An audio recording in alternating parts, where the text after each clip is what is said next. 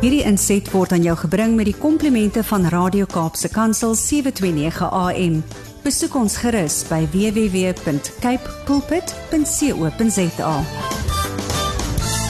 Goeiemôre Almarie. Good morning Brad en goeie goeie dag aan jou wat luister. Ons gaan vanoggend praat oor 'n koelteboom. En um, daar is daar maar min dinge so lekker soos as die Noord-Kaapse son in die middel van die somer in die middel van die dag jou kuiings vir jou brand om dan die koelte van 'n boom op te soek en dan daar 'n bietjie lafenis te kry. Nou 'n 'n skuur of 'n plaashuis se afdak werk ook baie goed. En veral as jy nou binne in die plaashuis ingaan, daai hoë plafonne is daarom so wonderlik en die dik dik dik mure is bring vir insulasie so jy is heelwat koeler as buitekant.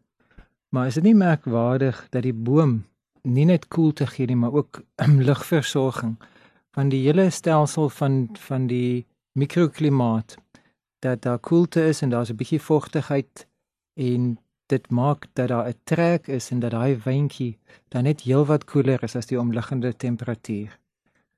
Nou as jy na my luister in jou luukse Duitse motor met 'n gesofistikeerde multi-zone aircon wat jy kan sit op enigiets van setting freeze tot by setting grill dan sal jy nie noodwendig baie besorgd wees oor koelte nie want as gevolg van jou air conditioning en as gevolg van jou radiator en as gevolg van die wonder van lugversorging kan jy jou klimaat tot op die graad bepaal wat net mooi wat vir jou aangenaam is sodat jy optimale uh, climate control het dat daai motor van jou se kajuit is aangenaam Jy kan selfs daardie luxe leer sitplek onder jou bas stel dat hy so bietjie warmer is.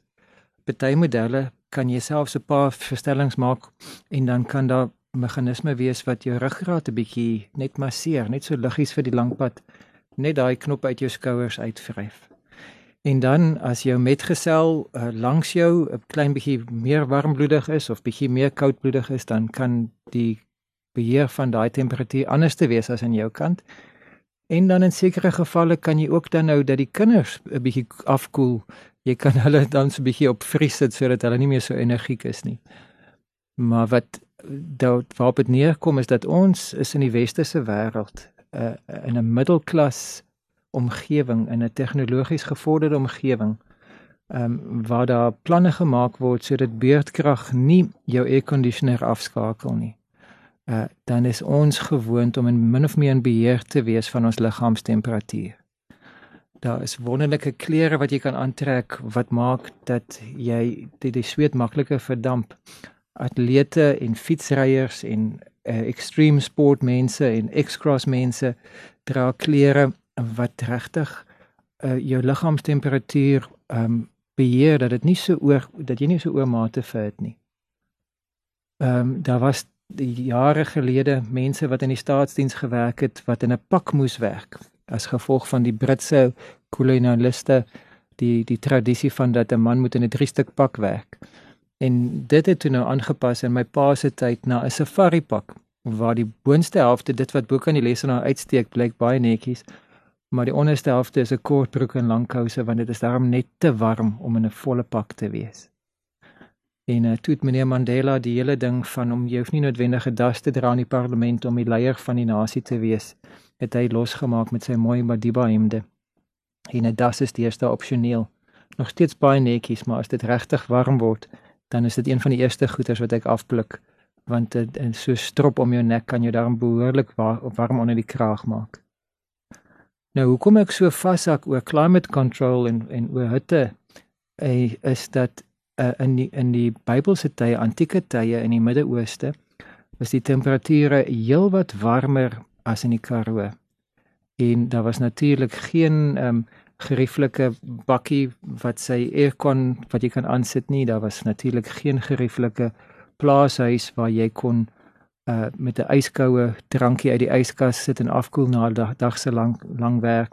Daar is ook nie so die luukse van 'n koue stort gewees nie jy was baie afhanklik geweest van die feit dat jy los klere gedra het en en daardie Bedouin klere en dan die Bedouin tent maak natuurlik baie sin waar dit die vloei van lug vrylik toelaat dat daar lug rondom jou liggaam kan sirkuleer. En jy was afhanklik gewees van die natuur. So as daar ergens 'n kraans was met 'n bietjie van 'n inham, dan kon daardie grot of selfs net 'n wannabe cave uh, kon dan vir jou skuilings in die nag gee teen wilde diere, maar dit kon ook in die dag vir jou koelte gee. As daar nie kraanse naby was nie, het jy nou na 'n boom gesoek.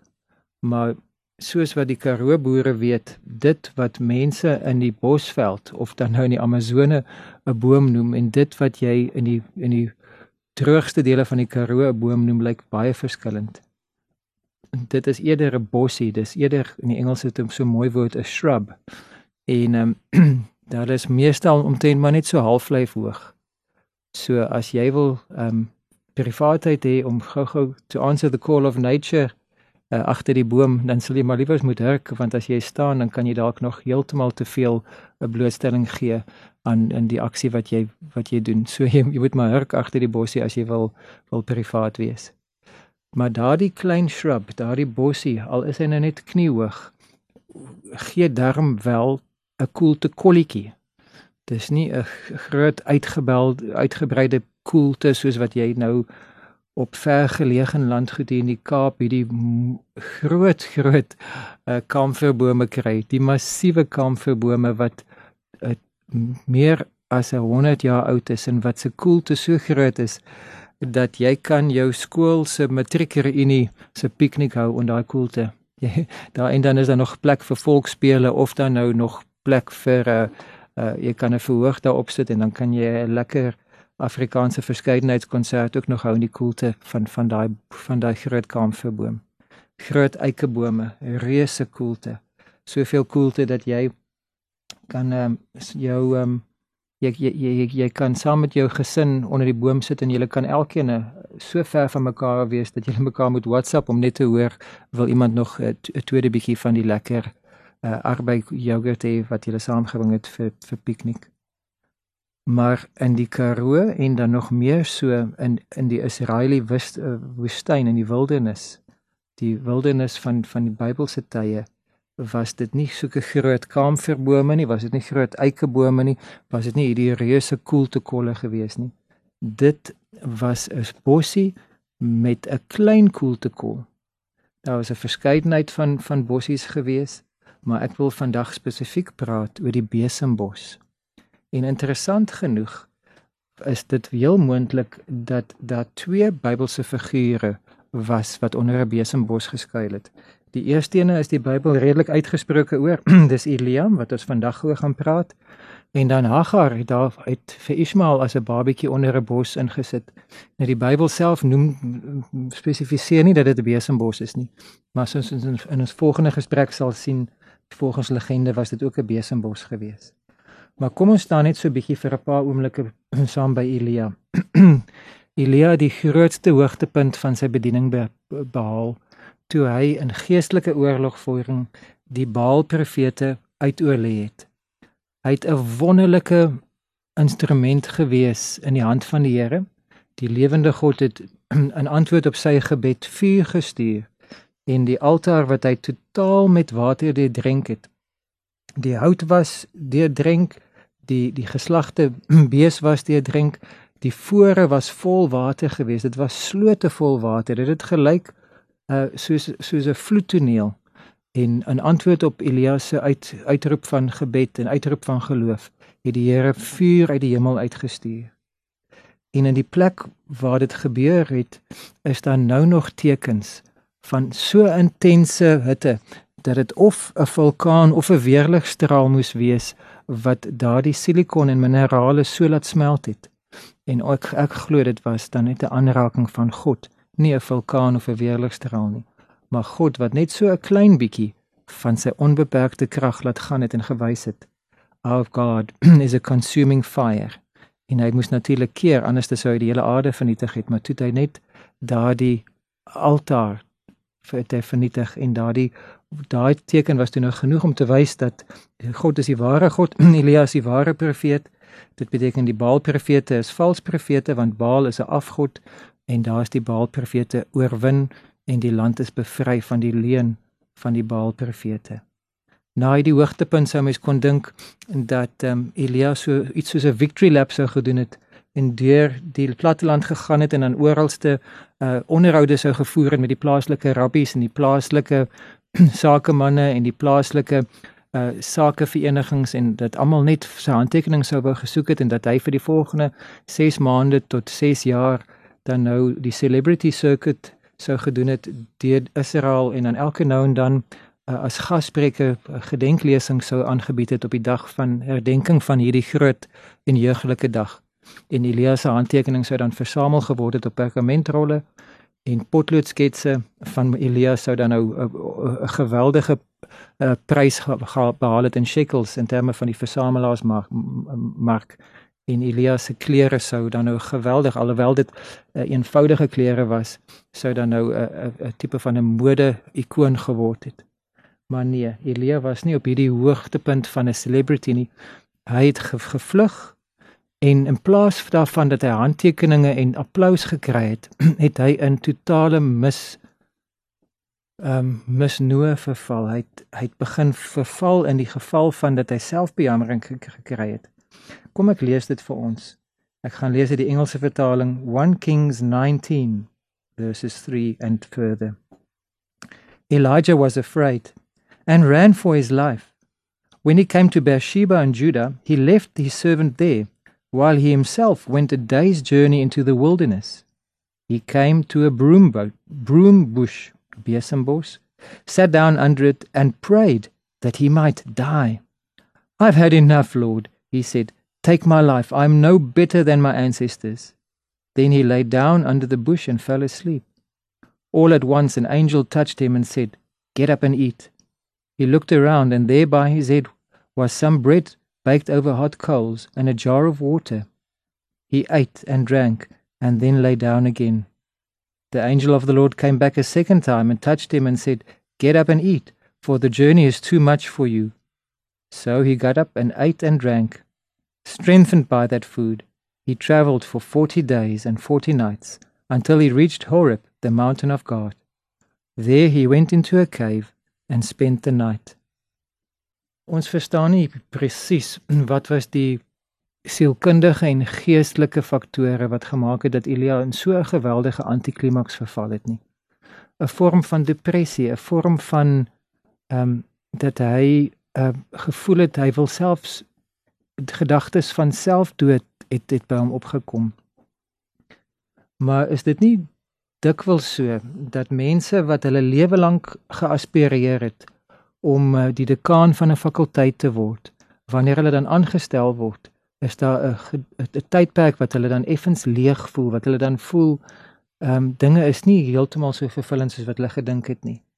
Of die dag wanneer jy jou um, derde maatskappy byvoeg by jou um, groep van maatskappye, dan in plaas van dat jy momentum het, voel jy leeg. Uh, die dag wat jy ehm um, jou graad behaal of die dag wat jy een of ander prestasie het en dan in 'n soortgelyke trant kan um, daar 'n mate van die die postnatal blues dat nageboorte depressie is 'n werklikheid. Nou by nageboorte by maas wat pas gebore wat pas geboorte geskenk het is dan natuurlik hormonaal en fisies fisies 'n baie ander klomp faktore wat bydra daartoe. Maar 'n deel daarvan het te doen met ons as mense wat adrenalien nodig het om vas te byt en ons doel te bereik. En dan wanneer ons dan by die doel uitkom, dan um, is die feit dat die adrenalien nie meer nodig is nie, veroorsaak dat ons dan nou in 'n in 'n afbreekende proses ingaan. Kortisol en allerlei ander hormone wat deur ons bloed stroom en dan voel ons af. Ons voel letterlik leeg. Ons voel pap want ons het nie meer daardie ding wat ons dryf na die volgende doelwit toe nie. Hoe dit ook al sê met Elia, wat ook al emosioneel en hormonaal en geestelik bygedra daartoe. Hy was in 'n tydelike depressie. En die Here het 'n engel gestuur. En daardie engel het nie net vir hom sê maar 'n lied gesing of herinner aan die getrouheid van die Here nie. Daardie engel was baie prakties. Kos en water, slaap, nog 'n maaltyd, kos en water en weer slaap. En wat 'n deeglike manier van rus. En toe kon Elia weer aangaan. Maar my punt wat ek wil maak is dat daardie koelteboom, daardie besembos waaronder Elia gelê het, was nie 'n reuse kathedraal nie. Dit was 'n klein kolletjie koelte. Elia moes kies, is dit sy kop wat in die koelte lê of sy lyf wat in die koelte lê want daar was nie plek vir al twee van daai nie. En ek dink hy het maar sy kop in die koelte gelê terwyl die res van sy lyf maar moes verdrag neem met die met die somerson en daar het hy uitgeput aan die slaap geraak.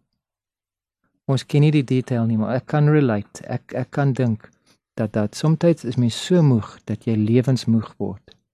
As dit is waar jy vandag jouself bevind, kom ons vertrou die Here dat hy vir jou 'n koelte kol, 'n maaltyd, 'n ruskans en 'n engel sal stuur.